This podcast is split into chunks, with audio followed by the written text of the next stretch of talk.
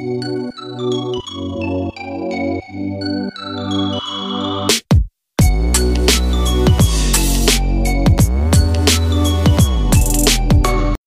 og velkommen til Sparringpod eh, i dag i eh, selvpålagt hjemmekontor, eh, karantene, jeg vet ikke. Eh, I dag så har jeg vært så heldig å få med meg eh, Gunnar Tjomli i studio. Hei, Gunnar. Hallo. Eh, jeg har jo egentlig fulgt deg siden skal vi se, seint 2008. Ja. Du, du, har vært Altså, du er en forfatter, blogger, gründer, og så har jeg skrevet bedreviter. Jeg kommer tilbake igjen til det. kan du litt fortelle, fortelle med dine egne ord også? Hvem er du, hva gjør du? Nei, De fleste som eventuelt måtte kjenne til meg, kjenner meg jo fra bloggen primært. Mm -hmm.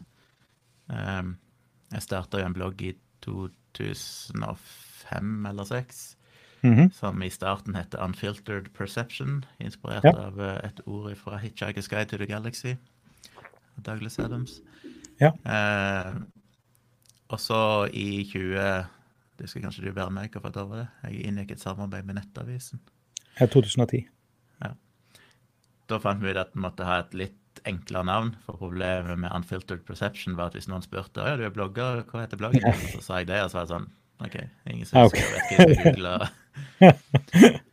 så jeg endra navnet til Saksynt, for det var et ord som Hvis du googler det, så var det ingen andre som hadde brukt det ordet, så da traff du mm. bloggen min uansett. Eh, ja. liksom litt uh, to the point og ja. Så jeg hadde et samarbeid med Nettavisen i tre år, og så slutta det, og så blogga jeg litt til. Men de siste par årene så har jeg ikke blogga så mye. Men selv om folk kjenner meg via bloggen og av en eller annen grunn tror at det er liksom min fulltids-geskjeft, så jeg jo, bortsett fra de årene jeg var med Nettavisen, aldri tjent noe penger på, på, det, så det kunne jeg jo selvfølgelig ikke ha levd av. Um, så det jeg har gjort. Du, du, får ikke masse penger av legemiddelindustrien og sånt, da? Setter det inn på feil konto, i så fall. Ja. ja, til, til, de som ikke skjønner den, så er det alltid da eh, en masse sånn alternativ eh, folk som eh, påstår at han, han, han, får masse penger eh, for å komme med saklig informasjon, eh, faktabasert. og at da skal liksom bli betalt av legemiddelindustrien. Men da tror jeg du hadde hatt litt mer penger, kanskje? Ja, da hadde jeg ikke eh, gjort mye av det jeg gjør nå for å overleve. Eh, men jeg har jo drevet starta i det jeg egentlig gjør, som er liksom min dayjob, som jeg kaller det. Det er at jeg starta et IT-selskap i 1999, som er jo jeg holdt på med i over 20 år nå. Mm. Eh, som jeg er daglig leder i, og webutvikler. Det har jo gått gjennom forskjellige faser. Det starta som Sirkon AS, når jeg holdt til i Sirdal kommune, der jeg kommer ifra, i Vest-Agder. Ja tidligere Vest-Agder. Dette er Agder nå. Um, og så ble Hva var det? Så la vi ned det selskapet. Vi drev mye med webposting og mye forskjellig. Men jeg syns ikke det var så supergøy etter hvert. Eh, vi hadde noen tusen kunder, men dagene gikk stort sett bare til liksom svar på supportmailer fra ja. gamle bestemødre som ikke fikk lagt ut bilder. Mailen funker ikke. Og det tenkte jeg, jeg orker ikke sitte i telefonen og mailsupport hele dagen. ikke Jeg vil være mer kreativ. Mm. Så vi solgte ut hele kundemassen til et annet selskap og på en måte avvikla selskapet. Starta opp et nytt selskap som da fikk en ny eier. Eh, mens etter et år så ble det andre selskapet kjøpt opp av et enda større selskap som ikke ville ha mitt firma med på lasset. Så da ble vi kjøpt opp av et annet selskap igjen i 2008 eller 2008 eller 2009. Um, og siden den gang så har vi hett Thin AS. Mm. THIN. Som er et vanskelig navn, for alle tror jeg sier Finn. Tror jeg, å, det er Finn ja. du jobber Finn, i Finn? Ja. Men hva, dere gjør uh, nettaviser? Ja, opp gjennom årene så har vi jo lagd Eller stort sett meg, da, for det jeg som er vår programmerer hovedsakelig. Ja. Jeg har jo lagd veldig mye forskjellig nettbutikker, nettløsninger og alt mulig rart for firmaer over hele landet. Men i 2008 så spurte lokalavisen i Sirdal, eh, som ikke finnes lenger, men som den gang het Sirdølen, Eh, De var på jakt etter en nettløsning. Jeg hadde på en måte drifta en slags nettavis for dem siden 2001, eller tidlig 2000-tallet, som basically var basert på at jeg hadde satt opp en enkel HTML-nettside. Og hver gang han skulle publisere nyheter, så maila han de til meg, og så satt jeg og la de inn manuelt for hånd med HTML-kode. Hadde en slags driftsavtale på det. Så det var ikke akkurat en publiseringsløsning, det var bare en statisk eh, nettside. Men i 2008 så ville han ha noe nytt og bedre. Mm. Og han var rundt og shoppa litt og prøvde liksom å få gode priser fra forskjellige aktører som leverte publiseringsløsning til lokalaviser og sånn. Ja. Men vi klarte å få overbevist han om at vi skulle lage en løsning som var bra. Så jeg lagde en løsning for han eh, som han var fornøyd med, og den syntes vi ble såpass bra at vi tenkte denne her kan vi jo selge til flere. Mm. Så vi skrev om koden litt, sånn at han liksom fungerer til å kunne drifte forskjellige løsninger. Og så har det i grunnen vokst siden det. Så de siste ti årene, ja, de første tre-fire årene, så gjorde vi litt andre ting på å si. Men de siste seks årene eller sånn år, så har vi egentlig 100% kun drevet med den nettavisløsningen som heter Newsflow. Ja, OK. Ja, hvor, mange, hvor mange aviser er det som benytter seg av den nå? På det meste så hadde vi rundt 30 aviser. Eh, Deriblant ni aviser i Nordsjø Media. Men så ble Nordsjø Media i fjor opp, kjøpt opp av A-media, så da mista vi dessverre de. Så nå er vi nede i 21 eller noe sånt. Rundt 20. Okay. Så det er stort sett lokalaviser, men det er en lokalradio, et par fagpressetidsskrift og litt sånn. Men det er primært lokalavismarkedet vi jobber mest i så langt. Ok. Eh, planer der, da? Har du noe som eh, Noe spennende, altså noe som skjer framover? Ja, det er det som er gøy med dette her. Det er jo eller gøy og litt frustrerende, det er at du kommer jo aldri i mål. det kan alltid bli litt bedre. Det kan alltid bli litt bedre, og så går tidene framover, og så kommer det nye ting folk skal ha. og sånn, Så det føles jo som en alltid det er jo, altså Jeg jobber jo eh, stort sett hele tida med å bare utvikle den tjenesten. Ja. Og Det er en kombinasjon av å lage ting for kunder. Vi er jo veldig raske på det når kunder spør oss at du, vi skulle hatt en modul som gjør sånn og sånn. Så har jo vi, siden vi er en veldig liten bedrift, den fleksibiliteten at av og til kan jeg omtrent levere det på dagen, andre ganger så er det noen få dager, liksom. Mm. Eh, har såpass rutine på det at det går ganske kjapt som regel å smokke sammen løsninger som de vil ha. Og så er det jo større ting. Vi driver med å videreutvikle selve tjenesten hele tida. Så det jeg jobber med nå i tre-fire måneder snart, er å bygge om hele løsningen for hvordan alt av bilder og mediefiler sånn håndteres. Eh, bare for å gjøre det litt mer strømlinjeforma, litt mer ressurseffektivt, og litt outsourcing av konvertering av video og sånn som vi tidligere har gjort sjøl, kommer vi nå til å kjøre på en ekstern tjeneste. Eh, Mm. Altså det er ganske omfattende, men det skal vi snart lansere. Det er jo en sånn type ting som tar utrolig mye tid, eh, men som merker på en måte ikke kundene så mye til det. For det er jo ikke en ny feature, det er jo bare en forbedring av det underliggende systemet. De vil jo merke litt forbedringer i forhold til hvordan video og bilder som blir behandla, og de får mye større muligheter til å redigere bilder i nettleseren eh, enn de hadde før. Men sånn det som tar mesteparten, 95% av jobben jeg gjør, er jo bare å pusse på det underliggende systemet, sånn at det blir lettere å drifte og kjappere og mindre ressurskrevende. alt mulig sånn. Selvfølgelig. Men, men det, det, selve den eh, altså eh, front-end-featuren på en måte òg, eh, så, sånn jeg forsto det, så hadde den òg en del, eller noe nytt og, og bedre eh, brukerinterface, eller har jeg forstått det rett? Ja, vi lanserer i disse dager en, en ny tjeneste, vil jeg vel kalle det, som Ja. er kalt for Newslow Swipe. eh, som rett og slett springer ut av det. Altså, det er noe vi har hatt på tegnebordet på si, i årevis, selv om Mhm. det endte opp i en litt annen versjon enn det vi opprinnelig hadde tenkt. Men vi har lenge tenkt at det er ett land som er litt fundamentalt utdatert med måten folk bruker nettaviser på. Mhm. Fordi den opprinnelige nettavisen på desktop er jo på en måte en slags forsøk på å ta papiravisen over på skjerm. Du har ei forside med et utvalg av de viktigste sakene. Og Istedenfor å bla deg inn i avisen, så kan du klikke deg inn på saker, men du må ofte tilbake igjen til forsida for å finne neste sak. ikke sant? Det blir sånn fram og tilbake. Ja. Um, så kommer mer mobilbruk. I dag er jo mesteparten av trafikken på mobil, men det er jo fortsatt stort sett bare en mobiltilpassa versjon av det samme konseptet som har eksistert siden liksom 4-95. Ja. Som jeg tenkte, det er jo ikke sånn folk egentlig bruker mobilen i dag. Folk bruker jo apper på en helt annen måte. Og spesielt Tinder-appen, den datingappen Tinder, revolusjonerte jo på en måte brukerinterfacet med denne sveipe ideen. Sveipe venstre og høyre og liksom bare sveipe deg gjennom informasjon. Som en del andre apper har tatt opp og brukt på andre forskjellige måter. Og vi tenkte at det er kanskje en fornuftig måte å lese nyheter på, for det, jeg vil tro det er en veldig, iallfall ifølge måten jeg sjøl bruker mobilen og konsumerer nyheter på, så er veldig mye av nyhetslesinga mi er litt sånn du står og venter på et eller annet. Står og venter på ja. trikken, eller du står et eller annet sted og har to minutter, og så skal du bare inn og sjekke om det har skjedd noe. Ja.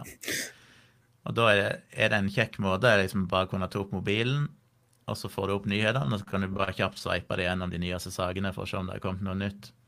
Ja. Så det er en løsning jeg har bygd nå, så du får egentlig opp et veldig minimalistisk interface der alt unntatt nyheter er fjerna. Altså I den vanlige så har du jo annonser og notiser, og du har moduler som viser forskjellig type innhold med bilder, gallerier, video, alt mulig sånt. Jeg liksom strippa vekk alt det. Ja. Så det er kun en enkel header, en futter og et stort, hvitt felt på midten der det ligger en stabel med kort, ser ut som en kortstokk nesten. Ah, ja. Og hver sånn kort inneholder tittel og litt ingress og et bilde. Og så kan du basically bare sveipe deg gjennom, og så når du vil lese en sak, så bare trykker du på den, og så åpner den saken seg. Og når du er ferdig, så lukker du den, så er du tilbake igjen til kortstokken, og så bare sveiper du deg videre. Og så har vi bygd inn litt sånne ekstra ting som at du kan det er sånne stjerner på hvert kort. Så hvis det er en nyhet du vil spare på, så kan du bare klikke på den stjerna, så får du det lagra som en favoritt, så du lett kan finne den igjen seinere i ei liste du kan hente fram. Eh, med en sånn liten indikator som viser hvor mye du har lest av hver sak, sånn at hvis du f.eks. bare har åpna en sak, men egentlig ikke lest den, så kan du se det. Du kan se hvilke saker du ikke har lest. Ja, smart. Har du lest hele saken, så er den merka som at den har du lest hele av, så den kan du liksom sveipe forbi. Mm. Eh, og en del sånne ting som gjør det litt mer ja, litt unikt da, i forhold til vanlige saker, eller vanlige nettaviser.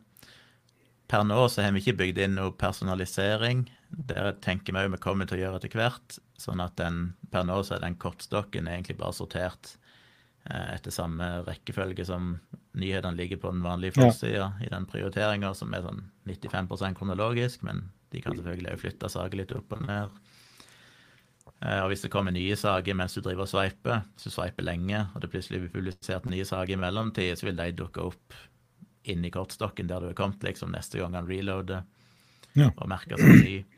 Så den reloader hele tida saker i bakgrunnen, så du går liksom aldri tom for kort. Du kan bare sveipe og sveipe, så driver han og reloader nye kort hele tida i bånn. Det høres jo egentlig litt ut som du Jeg skal ikke si revolusjonert, for det er et ord som brukes altfor mye. Men eh, det, det høres jo ut som en, en, helt ny måte å gjøre nyheter på, sånn sett, da. Ja, jeg liker det veldig godt. Eh, fordi jeg merker vi har rulla det ut nå på vår egen nettside, eh, newsflow.no, Mm -hmm. eh, og kommer nå til å lande bare litt sånn test. Det, vi kaller det fortsatt en beta, for det er ting som må pusses på. og Vi vil samle litt erfaringer i forbrukere og sånn, og pusse på det. Men, men den er operativ. Um, og så kommer vi til å tilby det til aviskundene. Så er jeg veldig spent på hvordan det blir tatt imot. For min erfaring er jo at eh, spesielt lokalaviser, små aviser, er jo ganske hardt pressa marked. Og ressursene og tida de har til å liksom sette seg inn i noe nytt, er ofte ganske små. De trenger liksom bare å få gjort det de må gjøre. Det er travle journalister og små redaksjoner. Så det å liksom få overbevist kunder om at dette er kanskje noe som leseren vil ha, dette er noe som er verdt å prøve ut, mm. kan kanskje være vanskelig, men vi ønsker iallfall å, å gi, gi det en sjanse. Og det er jo sånn at du kan bare Det er jo et ikon oppi høyre hjørne du bare trykker på, så er du tilbake igjen til den vanlige standardnettavisen. Ja, jeg, jeg, test, jeg, testa den, jeg, test, jeg testa den kjapt på, på telefonen, eh, på newsflow.no. Jeg syns det funka veldig bra. Uh, men OK, så du, du har dette. Uh, så har du uh, altså drift av forskjellige nettaviser og sånt også. Sånn alt i alt, hva, hva vil du si er de tingene du syns er kjekkest med den jobben du har nå? Mitt dilemma i livet er jo at jeg har altfor mye som jeg liker å gjøre. Jeg har jo jobben min, og siden jeg er daglig leder og webutvikler, og det er et lite selskap med mye aktivitet, så tar jo den minst 100 eh, ja. tid. Men i tillegg så har jeg liksom lyst til å drive med YouTube, jeg har lyst til å drive med foto, jeg har lyst til å drive med podkast, jeg har egentlig lyst til å skrive mer, eh, men jeg får ikke tid til ting. Eh, og da er det sånn, ja, kanskje jeg burde gjort noe annet enn å drive med firmaet mitt, da. Men så er det bare det at jeg klarer liksom aldri å velge vekk firmaer, for jeg syns det er så forbaska gøy å drive firma og programmere.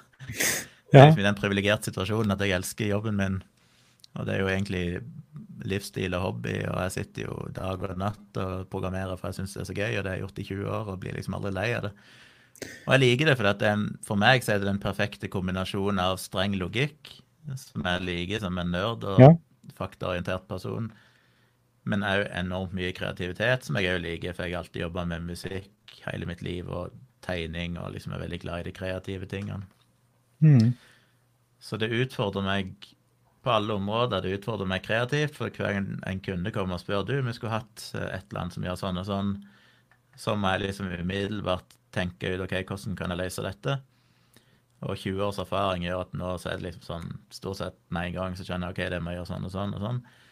Men uh, det er liksom en kreativitet der, og spesielt når vi utvikler helt nye ting, sånn som Newslow Swipe, så er det ekstra gøy å liksom ha noe Ikke bare liksom lage ting som er litt sånn uh, ting du har gjort før, men òg ha litt innovasjon. Prøve å teste ut noe helt nye, ny funksjonalitet. Uh, og jeg blir jo alltid Jeg er jo sjøllært på alt det jeg driver med, og er jo koder jo ikke sånn som du ville gjort hvis du hadde fått deg en utdanning innen programmering. regner jeg med. Det er liksom min stil og min måte å gjøre det på, men det har funka ja. veldig bra i 20 år. Så, så jeg syns det er veldig veldig gøy å hele tiden møte de utfordringene og løse problemer, og så lærer jeg mer og mer. Og det er jo litt av problemet òg, for jeg oppdager jo hele tida at shit, sånn som jeg programmerte dette for fire år siden, det må jeg fikse opp i. Ja. Så det tar jo litt tid at du hele tiden driver og pusser på gammel kode, for du kan mer nå enn du kunne før. Vil du si at eh, mye av jobben som en programmerer er egentlig å bare løse problemene? Selve, selve programmeringen er ikke så mye tid Eller, eller, eller tar jeg feil nå? Ja, det er både òg. Av og til så sitter en mye og bare liksom kan sitte i tre timer og bare copy-paste ei linje med kode som en må fikse i mange filer. ikke sant? Så det er en del sånn kjedelig rutinearbeid. Men det som jeg ofte sier, er at uh, det er overraskende hvor mye av programmeringa som består i å sitte og kikke tomt ut i skjermen uten å gjøre noe. Og da går liksom alle tannhjulene oppi her, for da sitter en og, og tenker gjennom en hel prosess. ok, Hvis jeg starter der, så har mm. de og de variablene, de og de verdiene, og så vil det komme der, så vil det endre seg sånn, og da vil det bli sånn, og da må det gå der. Så sitter en med en sånn sky til slutt inni hodet som en bare prøver å mentalt visualisere hele prosessen og sjonglere utrolig mye tall og rutiner. Og Det er derfor det er alltid så viktig med dette her, å ha den roen når du programmerer. For hvis noen da kommer inn og bare skal si noe til deg Du Gunnar, kunne du bare sett på dette? ja, jeg sitter jo bare der og kikker i skjermen, det forstyrrer vel ikke nå. Men inni her så bare rakner alt. altså Når de da har gått, så må jeg liksom begynne på nytt. Og så starter jeg ok, for starten da, så dette fungerer jo, det begynner sånn. Så, så, det er utrolig mye sånn du bare sitter og mentalt tenker gjennom og løser problemer. Og det liker jeg veldig godt. Mm. Er det noe du ikke liker ved, eh, ved, jobben, eller kanskje ikke ved jobben, men det å ha en sånn jobb? Du snakka litt om tid. Uh, nei, det er bedre nå enn det var før, men i tidligere perioder, spesielt når vi drev med webposting og hadde tusenvis av webhotell som mm. var ekstremt kritisk uh, så var det nok ganske belastende i perioder der det var sånn at jeg er på vakt 24 timer i døgnet 365 dager i året. Og Jeg har jo opplevd sjøl at på julaften og nyttårsaften så har en server gått ned, og da er det ikke noe valg. Da må du liksom bare begynne å fikse server, uansett om alle andre drikker champagne og er på fest, liksom. Ja. Så det har jeg opplevd. Jeg har jo som daglig leder i et lite selskap, som sagt, så har jeg jo egentlig vakt 24 timer i døgnet det er blitt veldig mye bedre nå, både fordi at nå har vi eh, Det er jo de samme kravet til oppetid, men vi har færre kunder, og det er isolert på en måte til ett konkret system, istedenfor at ja. vi hadde 2000 webhotell der alle hadde installert mye rart og forskjellig, og det var spamangrep, og det var hackerangrep, og det var liksom ting hele tida som kødda det til. Så Ja, nå fungerer når- jo ting ekstremt stabilt, og Ja. det er ikke noe belastning lenger. Men det Nei, er, og når, det er når du altså har det verste. Ja, når, når du har tusenvis, eller flere hundre kunder også, så sjøl Olga på Toten, hun òg syns at hennes, uh, uh, hennes nettside for hunden er like uh, livsviktig som alt annet. Og sånn at sjøl hvis bare det er den sida som har gått ned fordi hun har installert en plug-in som hun ikke skulle installere, Mm. så er det likevel full krise for Olga på Toten og hennes hundenettside. Ja, det er det som er alle er jo seg sjøl nærmest, holdt si, og det jeg skjønner jo det veldig godt. Hadde jeg sjøl hatt ei webside som plutselig ikke virka, så blir jeg jo forbanna på leverandøren. Sånn er det jo bare. Men eh, så er det jo litt mitt eget problem, for jeg har alltid vært litt for litt for eh, glad i å stille opp, holdt jeg på å si. Jeg er ikke flink nok til å til å Sette eh, grenser. si nei, eller si at nei, dette må vi ta i support til, liksom. Hvis jeg får en mail klokka 11 på kvelden, så må jeg liksom fikse det, for jeg klarer ikke å leve med at ikke det fungerer. Så, så jeg er ikke så flink til å begrense det kjenner jeg igjen. Eh, Hvordan får du de, de beste ideene dine? Um, tja, det tror jeg ikke det finnes noe godt fasitsvar på. Det kan dukke opp når som helst. Eh, Ja, ok. Ofte når jeg sitter og leser ting, Ja. Ser andre ting, og så tenker jeg ja, der eh, kanskje vi kunne gjort noe sånn og sånn, og så får jeg ideer. Så jeg har ikke noe godt svar på det, egentlig. Nei. Det det første innlegget ditt som, som jeg virkelig sånn kan huske at jeg leste, var type seint 2008 eller noe sånt nå, om Snåsamannen. Eh, sånn jeg har opplevd deg, på en måte, så har du på mange måter hatt en vendetta mot Snåsamannen. Eh, stemmer det? Og er det så skadelig at han får lure noen lett, lettjent, altså lettlurte folk med litt penger av? Altså, er- hvorfor er det skadelig? Jeg tror grunnen til at jeg har irritert meg veldig hvis Snåsamannen, er primært media sin skyld. Altså hadde han bare drevet med sine Ja, ting, Ja. eh, så er det ikke sikkert jeg hadde brydd meg så mye, for han er jo tross alt ikke unik. Det finnes andre som han. Det som har irritert meg, er nok det at media så til de grader har omfavnet han og vært totalt ukritiske. Og jeg blir irritert når det er en fyr som liksom over flere år får forside på forside og blir kontakta av journalister hver gang det skjer et eller annet i samfunnet, for de skal høre hvordan Snåsamann mener, selv om han selvfølgelig ikke har noen kompetanse på noe område. Um, så syns jeg det er fascinerende. Spesielt, så jeg begynte jeg å grave litt i en del av de historiene og finne ut at mange av de mest kjente historiene som han bruker gang på gang, er jo alltid for ren løgn til sterke modifikasjoner av sannheten. Eh, og så tenker jeg her er det jo fryktelig mye spennende journalistikk. Hvorfor er det ingen journalister som graver i dette og presenterer det som faktisk er sant? Og det er liksom overrasker meg så, så det er blitt litt sånn OK, fuck it. Hvis ikke, hvis ikke media vil ta tak i dette, så kommer jeg til å skrive om det og fortsette å skrive om det og håpe at noen gidder å engasjere seg, men etter ti år så er jo fortsatt ikke det skjedd, så Nei. Tvert Nei, men, eh, nye filmer, nye dokumentarer, nye programmer. Han blir alltid bare hylla som en stor mann. Men altså, om, om ikke annet så, så hjalp du eh, altså Dine skriblerier har jo hjulpet helt sikkert utallige folk å få et mer eh, kritisk tankesett. Og for min del så, så var du en av de som eh, sammen med Tim Minchin og altså en, en hel del folk som jeg fikk inspirasjon av, da, som hjalp meg å bli mer eh, kritisk til eget tankegods og tenke litt mer eh, logisk på ting. Har du, har du tenkt noe over hva du faktisk har tilført den norske befolkning sånn i det hele tatt med bloggen din? Det er alltid vanskelig å se det sjøl. Eh, og det blir mye spekulasjoner, for det finnes ikke noe harde data på det. Nei. Det eneste jeg vet, er selvfølgelig at jeg har fått ganske mye mailer og tilbakemeldinger opp gjennom årene. Alltid fra selvfølgelig bare de vanlige, at ja, folk liker det jeg skriver og syns det er gøy å lese og sånn. Til mer sånn betydningsfulle som Jeg har fått mail av folk som er vokst opp i mer eller mindre sånn kultaktige sånn sekter i Norge som er slitt veldig psykisk og aldri fått hjelpen de trenger fordi at de har en eller annen karismatisk leder som er den eneste som kjenner sannheten. Og i de sektene så er jo mitt navn ofte blitt trukket fram som en sånn forferdelig person du må holde deg unna. Men så er det liksom eh, begynt å lese bloggen min og syns at det jeg skriver, virker fornuftig. og sånn, Jeg hjelper de ut av dette her og hjelper de til å få skikkelig profesjonell hjelp og sånne ting. Det er fedre som har maila meg og sagt at de har valgt å vaksinere ungene sine etter å ha lest eh, bloggen min, selv om de tidligere ikke ville vaksinere ungene sine. Mm. Til en boksignering jeg hadde, da var det en fyr som kom bort og sa at han hadde jobba som healer tidligere, men han hadde slutta med det etter å ha lest bloggen min.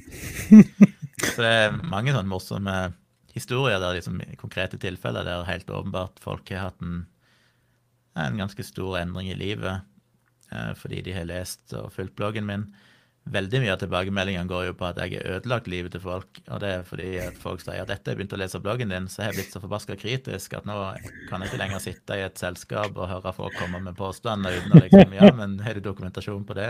Du blir den der kjedelige fyren som ødelegger alt. Det var så mye lettere å leve når du bare aksepterte alt, sa de. Mens, ja. Men sånn i samfunnsmessig så merker jeg jo når jeg begynte å skrive bloggen min, og de første årene så var jeg ganske alene. Eneste som var før meg, var jo primært uh, foreningen Skepsis. Mye med mm. Asbjørn Dyrendal og et par andre som hadde Skepsis-bloggen.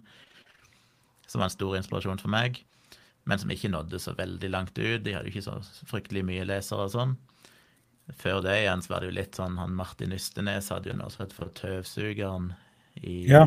Dagbladet eller VG eller noe sånt, tror jeg. Han hadde en slags spalte som han som òg var en veldig tidlig inspirasjon for meg. Men igjen, det var ganske sånn små eh, som ikke publiserte så mye, og det var nesten bare ja, en liten notis omtrent. Så når jeg begynte, så var jeg ganske alene, og jeg syns jo det var fascinerende at jeg starta bare for meg sjøl hjemme på gutterommet, holdt jeg på å si, og satt og, og skrev og hadde omtrent ingen lesere. Men så vokste det jo gradvis, men sikkert. Jeg tror det som var, var på en måte to for meg store gjennombrudd. Det ene var en bloggpost jeg skrev eh, som svar på ei som heter Gro Lystad, som skrev en artikkel der hun liksom fortalte hvor forferdelige vaksiner var. Så tenkte jeg at dette er jo en fantastisk anledning, for her har vi en artikkel som basically lister opp alle sånne antivaksineargumenter som fins. Så jeg satt i Syden akkurat da på Gran Canaria alene i en bungalow og satt i 24 timer i strekk. Og ifra jeg begynte til jeg liksom la meg til å sove, og bare gikk gjennom alle de påstandene og fikk hjelp av en lege i Norge som jeg satt og maila med, og han satt og fant studier og hjalp meg med å svare på spørsmål og sånn. Og så skrev jeg en bloggpost som endte opp å bli 100 000 tegn, som omtrent tilsvarer 50 sider i ei bok. Det er min lengste bloggpost noensinne. altså jeg er en av de lengste som er skrevet. Men den fikk jo masse respons eh, etter den tidens standard, da. Det var lite ja. i forhold til det jeg fikk seinere, men for meg så var det en sånn stor boost da folk plutselig la merke til bloggen.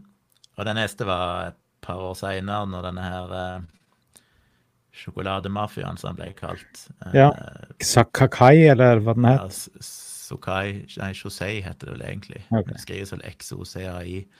Som er et sånn påstått helsesjokolade. En mørk sjokolade som er full av antioksidanter og hjelper mot alt mulig rart, som blir solgt via sånn nettverkssalg. Eh, Multilevel marketing-lignende greier, nesten sånn pyramideaktig.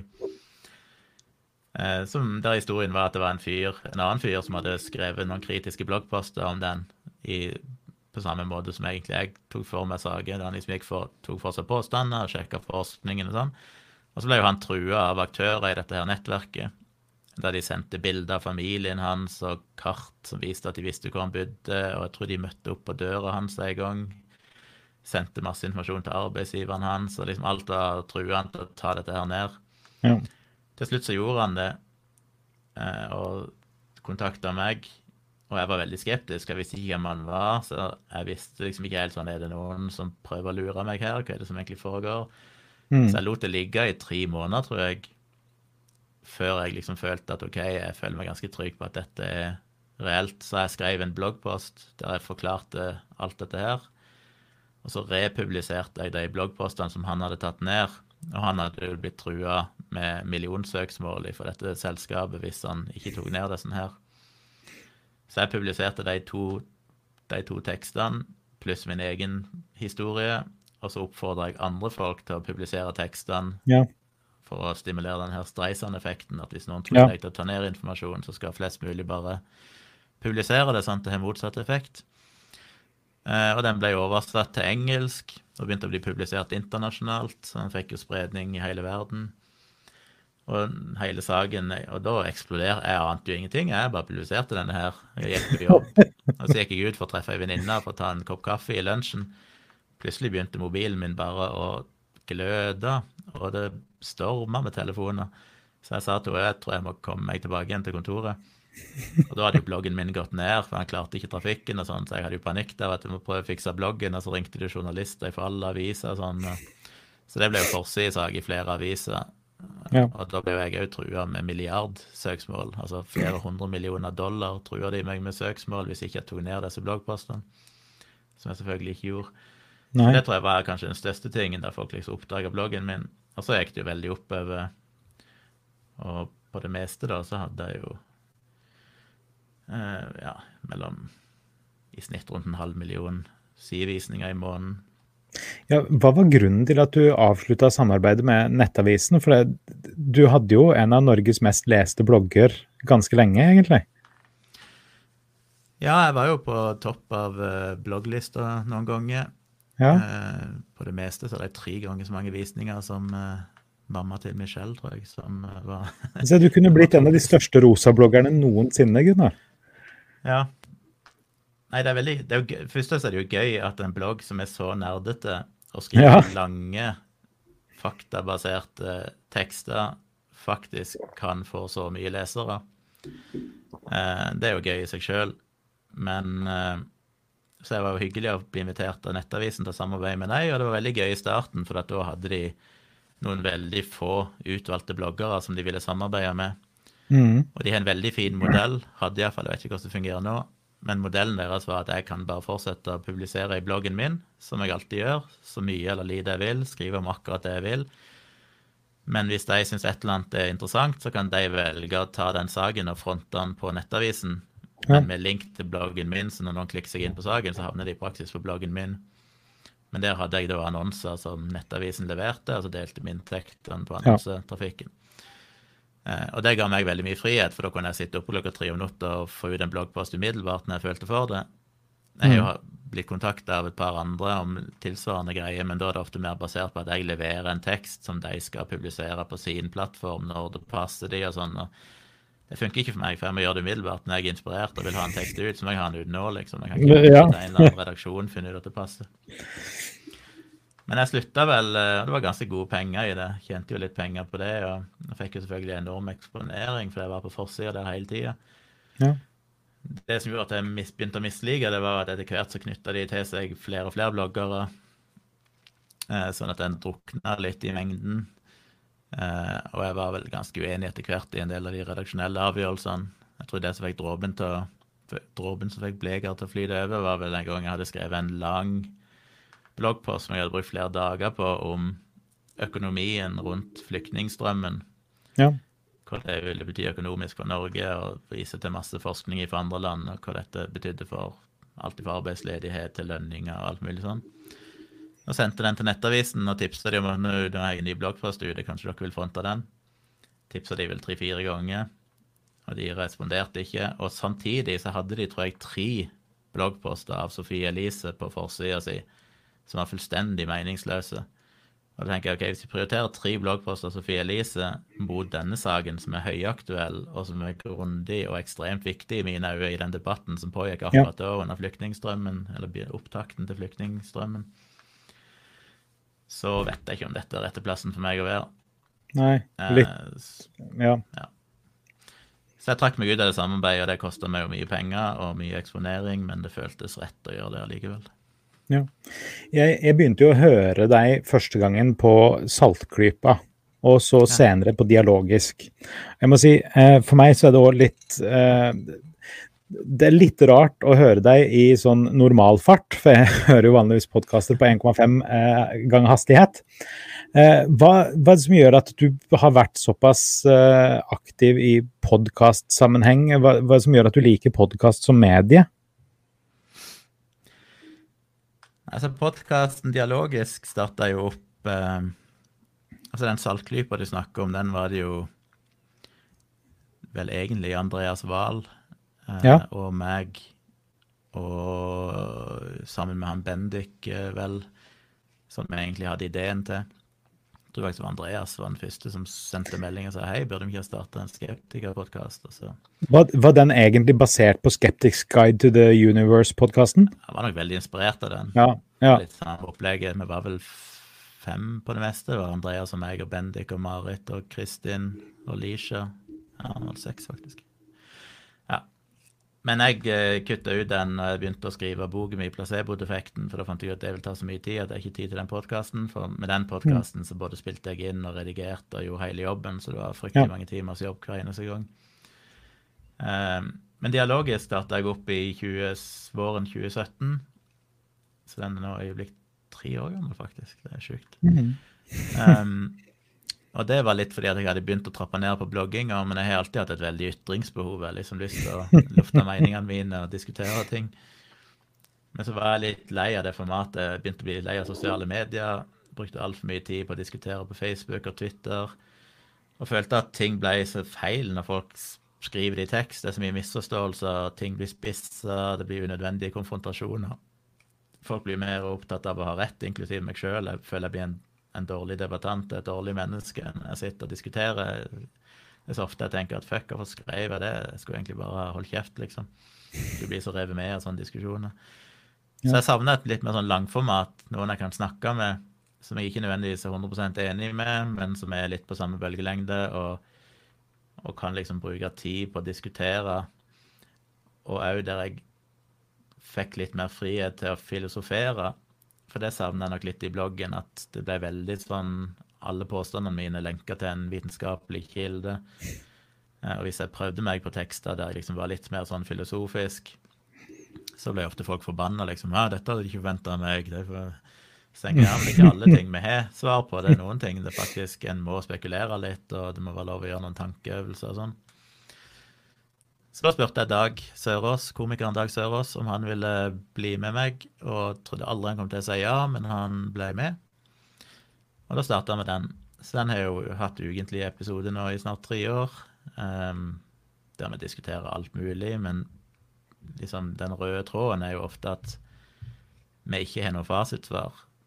Det er på en måte det som er litt av greia. at Vi altså, vi har selvfølgelig meninger, vi har en slags konklusjoner, men det er veldig ofte sånn vi vet egentlig ikke, men la oss diskutere dette og la oss se det på forskjellige, fra forskjellige synsvinkler.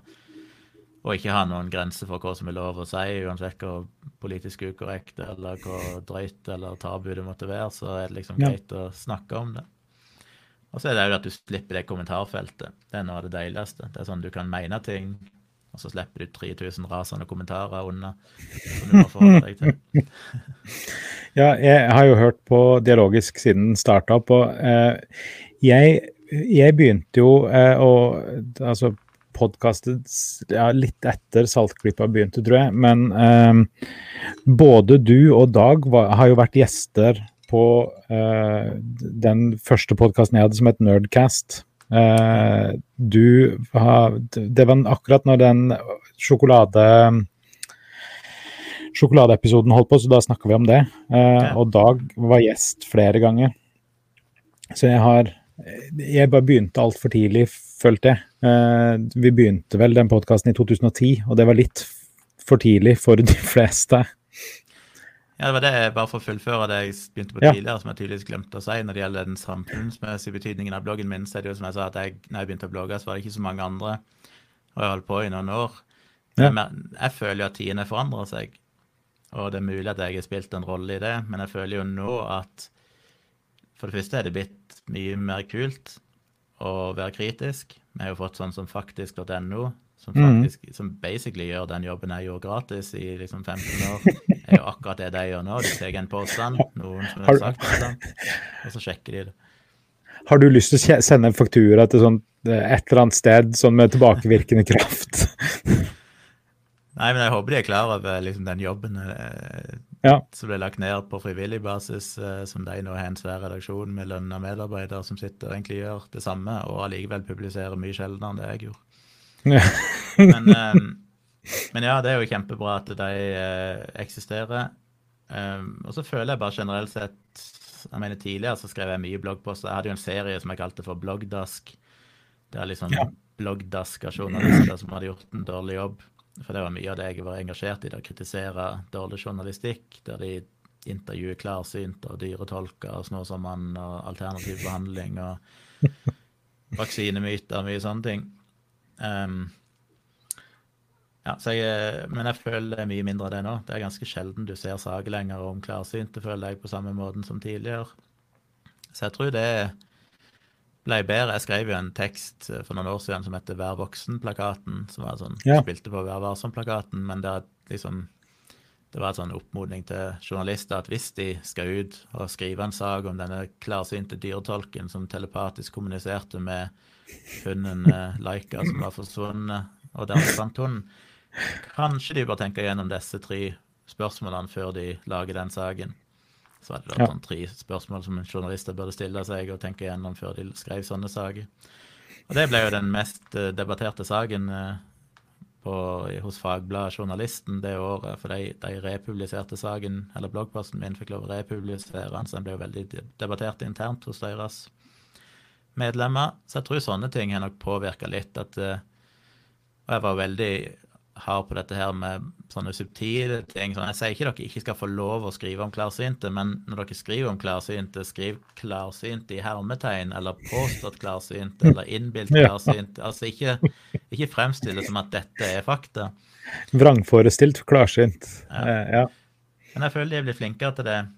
Og nå, sånn som vaksinegreiene, nå er det jo så trendy når noen skriver om vaksine i avisen, om influensa og og sånn de siste par årene så føles det som at nå får du jo så mye presse hvis du engasjerer deg i sånn. Og så føler jeg litt ja, men dette gjorde jeg for 15 år siden, hvorfor er det ingen som brydde seg da? Men sånn er det. Så jeg, bare, jeg må egentlig bare være glad for at det har blitt en større bevissthet rundt kritisk tenking og sånn i samfunnet nå. Du er en sånn skeptiker-hipster, basically. Du gjorde det ja, før det, det ble kult. Meg. Jeg var litt sånn skeptiker-hipster. Jeg var skeptiker før det var kult å være skeptiker. Ja. OK. Eh, hva, hvilke tre ting er, klarer du deg ikke uten da, i hverdagen? Det er vanskelig å redusere det til tre ting, for jeg er litt sånn vanemenneske. Jeg liker å ha mine ting. Men eh, skal jeg svare på det, så måtte det nok vært eh, Altså, skulle jeg reist et sted og bare kunne hatt med meg tre ting, så måtte det nok være iPhonen. Eh, det måtte nok vært tilgang på Cola Zero. Og den siste er enten eh, e-siggen min, så jeg kan vape, eller eh, grønne epler, frukt. Et eller annet sånt. Mm. Jeg er avhengig egentlig alltid. Det må alltid være grønne epler og Cola Zero i kjøleskapet. Hvis jeg har de to tingene, så klarer vi gjennom det meste. Ja, ja. Eh, du eh, svarte jo da på neste spørsmål, som er Android eller iPhone. Det, iPhone har du, eh, har du noen eh, favorittapper da, som du kan eh, Som du bruker? Ja, da må jeg kikke litt. Jeg syns det er vanskelig. For jeg er en sånn fyr som, som alltid prøver ut alt, så jeg har jo så uendelig mye apper her. 99% av de bruker jeg aldri, men jeg klarer ikke helt å avinstallere de, for jeg tenker at kanskje det kommer en situasjon der jeg trenger den appen. Ja. Men eh, bortsett fra sånn obvious ting som nettlesere og mailklienter og sånn, som er litt kjedelig, så er jeg veldig glad i å skrive lister for å liksom huske ting. Så jeg bruker en Jeg har prøvd mye forskjellige apper der. Todoist og Things og sånn, men den jeg plutselig fant, som gjorde akkurat det jeg ønska, det er en app som heter TikTik. TikTik. TICK, TICK. Som ja. er en veldig bra app for å bare liksom ha huskeliste og kunne sjekke off når du er ferdig med ting. Den liker jeg. I jobben så bruker vi jo Slack. Vi er jo et lite firma, ja. men alle de ansatte sitter på forskjellige steder i landet. Så alle sitter alene. Og da bruker vi primært Slack til å kommunisere. Samme her. Så den er ikke så veldig gøy. Eh, og Jeg bruker ikke den privat, det er kun jobb. Men jeg syns den er superkjekk, for uansett hvor jeg er i verden, på reise og alt mulig sånn, så vet jeg alltid at jeg har direkte tilgang til mine kollegaer og alt som skjer. Mm. Pluss at alt av varslinger, hvis noe går galt på en server og sånn, så satte jeg opp til å plinge Slack og sånn, så jeg får liksom alltid gjøre Slack. Uh, ja Så jeg uh, til kommunikasjon så er jeg nok mest glad i WhatsApp. OK. Jeg har egentlig lyst til å bruke Signal, for den er jo hakket sikrere. Men det er liksom litt for tung materie å få folk flest til å begynne å bruke Signal. Så WhatsApp Ja. er et sånn grei kompromiss. Det er samme krypteringer som Signal, men ikke fullt så sikkert. For det er en del mer metadata som Facebook har tilgang til, siden det er Facebook som eier WhatsApp. Men den er ganske grei. Og skulle jeg få lov å nevne fire, så måtte jeg nok tatt med Feedly, som er en sånn RSS-leser, der jeg har en del nettsider som jeg hver kveld når jeg legger meg, så browser jeg gjennom Feedly-lista mi og får Ja. med meg alle nyhetene og sakene som jeg ønsker å få lest. Kult. Men jeg merker du, du har ikke noe sosiale medier og sånt, da? Det, du har uh, mer eller mindre pause derifra? Uh, Ja, det er litt Ish. opp og ned. Jeg har hatt litt Ja. pause og kommet litt tilbake igjen. Men jeg har jo betydelig redusert bruken min. Iallfall endra bruken min. Jeg skriver veldig sjelden i sosiale medier lenger. Men jeg leser en del. Eh, men jeg merker, som jeg har sagt i dialogisk flere ganger, at eh, jeg er veldig ambivalent forhold til det. Jeg merker at det stresser meg, og det gjør meg irritert. For jeg ser så mye som liksom Å, dette her skulle jeg ha sagt noe om. Hadde jeg drevet og blogga, så hadde jeg skrevet en bloggpost, men nå har jeg ikke den, så jeg må vente til neste uke når vi snakker om det i podkasten.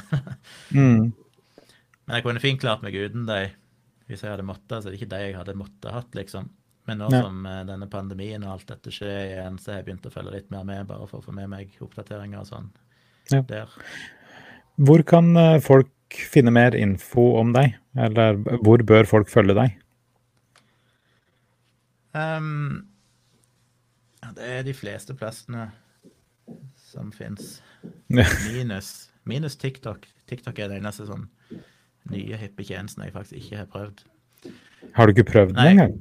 Nei, jeg har faktisk ikke engang prøvd den. Ah, ja, jeg tenkte at mus Musically hadde jo vært midt i blinken for deg, gjerne, sånn i forhold til musikk. Ja, jeg har sett Musically, for dattera mi brukte det. Hun bruker TikTok nå, men Ja. um, TikTok er nok redd jeg fort ville blitt for hekta på. jeg sitter og bare kikker og kikker og kikker, så jeg må helst prøve å beskytte meg sjøl. Ja. Men jeg, er- brukernavnet mitt er Civix, C-I-V-I-X, eh, som jeg stort sett har alle plassene. På Instagram, på Facebook, på ehm, eh, Twitter. Ja, fleste plassene. Bloggen min er jo på tjomli.com, der en kan google saksynt. Den er ikke så oppdatert, men der ligger det jo en del informasjon om meg og linker videre. Jeg registrerte òg for en tid tilbake et domene som heter civics.me, Ja. civics.me, som går til en sånn slags visittkort-nettside. Som er bare en enkel statisk side der jeg lenker til de tingene jeg driver med, enten det er YouTube-kanalen min eller Instagram, eh, fotosida mi der jeg legger ut bildene jeg tar, og litt sånn. Så hvis en vil finne en sånn plass der du kan finne alt jeg driver med, så er det bare å gå til civics.me, så finner du det. Da har jeg bare eh, de ti kjappe eh, spørsmål eh, som er fra Insider Actor Studio. Hva er ditt favorittord? Eh, det syns jeg er veldig vanskelig, men jeg har ofte tatt meg sjøl i at et ord jeg bruker veldig mye, er ordet fascinerende. Så når jeg skriver, så er det sånn alltid fascinerende. Så kanskje jeg må si fascinerende, et, for det oppsummerer litt av det jeg syns er spennende òg. Jeg syns jo ting som er fascinerende, er veldig fascinerende. gøy. Hvil, hvilket ord liker du minst? Et ord jeg alltid syns var ekkelt, er ordet kvesta. Han ble hardt kvesta. Da ser jeg for meg beinsplinter stikke ut av huden og alt mulig. Så ordet kvesta liker jeg ikke så godt. Hvilke ting blir du gira av? Ehm, jeg er en person som er De fleste som kjenner meg, vil si at uh, de, det er ikke så lett å lese følelsene mine, for jeg er ganske sånn flat. Sjelden veldig lei meg og sjelden veldig glad. Så hvis jeg blir gira, så er det ikke så veldig mange som egentlig merker noe til det. Hva er det jeg blir gira av? Um, jeg blir kanskje mest gira av eh, kontroversielle tanker. Altså mer sånn filosofiske ting, ideer som er provoserende, men som er rasjonelle, og som Mm. bryter med litt av det vi kanskje har tenkt om verden. Det er nok det som gjør meg mest oppjaga. Hvilke ting misliker du, da?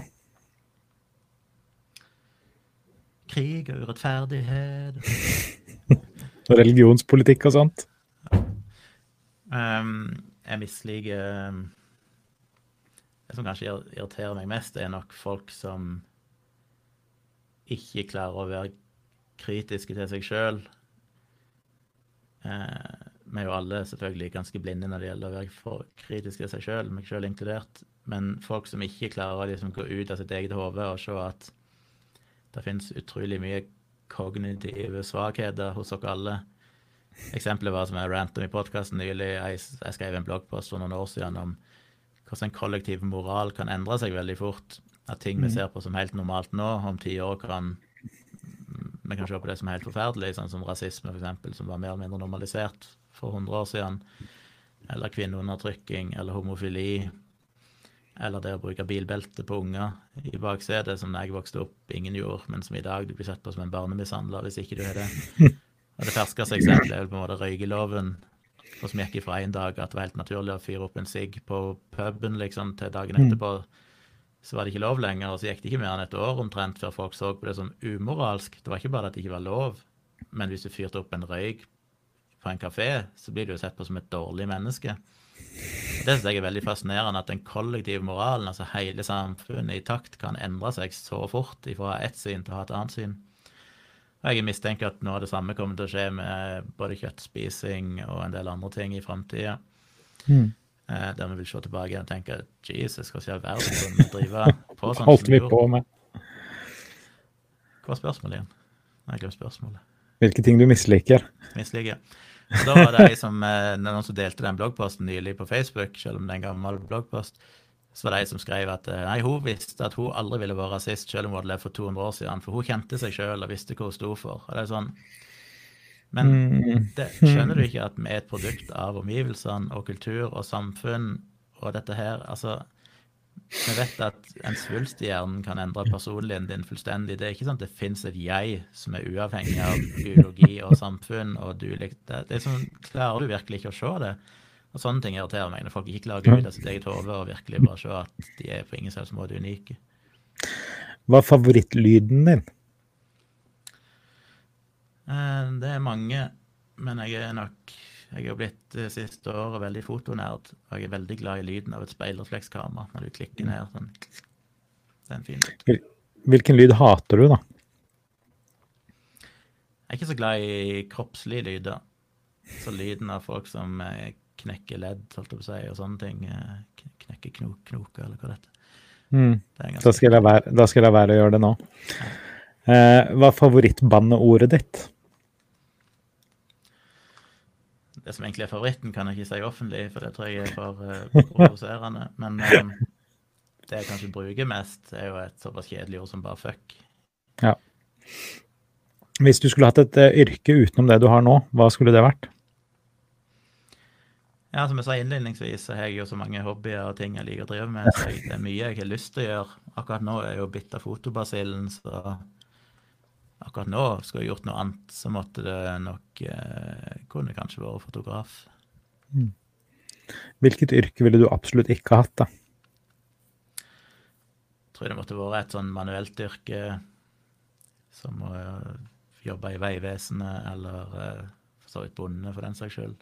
Mye koselig med bonde. Jeg har vokst opp på gård sjøl og vært hobbybonde holdt jeg på å si, stor del av mitt liv med foreldrene mine. men den der forpliktelsen til å alltid, uansett om du er sjuk eller hva det er, så må du stå opp klokka grytidlig, og du må ordne dyrene, og det er masse hardt manuelt arbeid som, som må gjøres til spesielle tider. Sånn. Det passer ikke mm. meg helt. Jeg er et innemenneske som liker datamaskin. Bygd for komfort, sånn som meg. Absolutt. Hvis himmelen eksisterer, hva ville du helst at Gud skulle sagt til deg når du kom dit?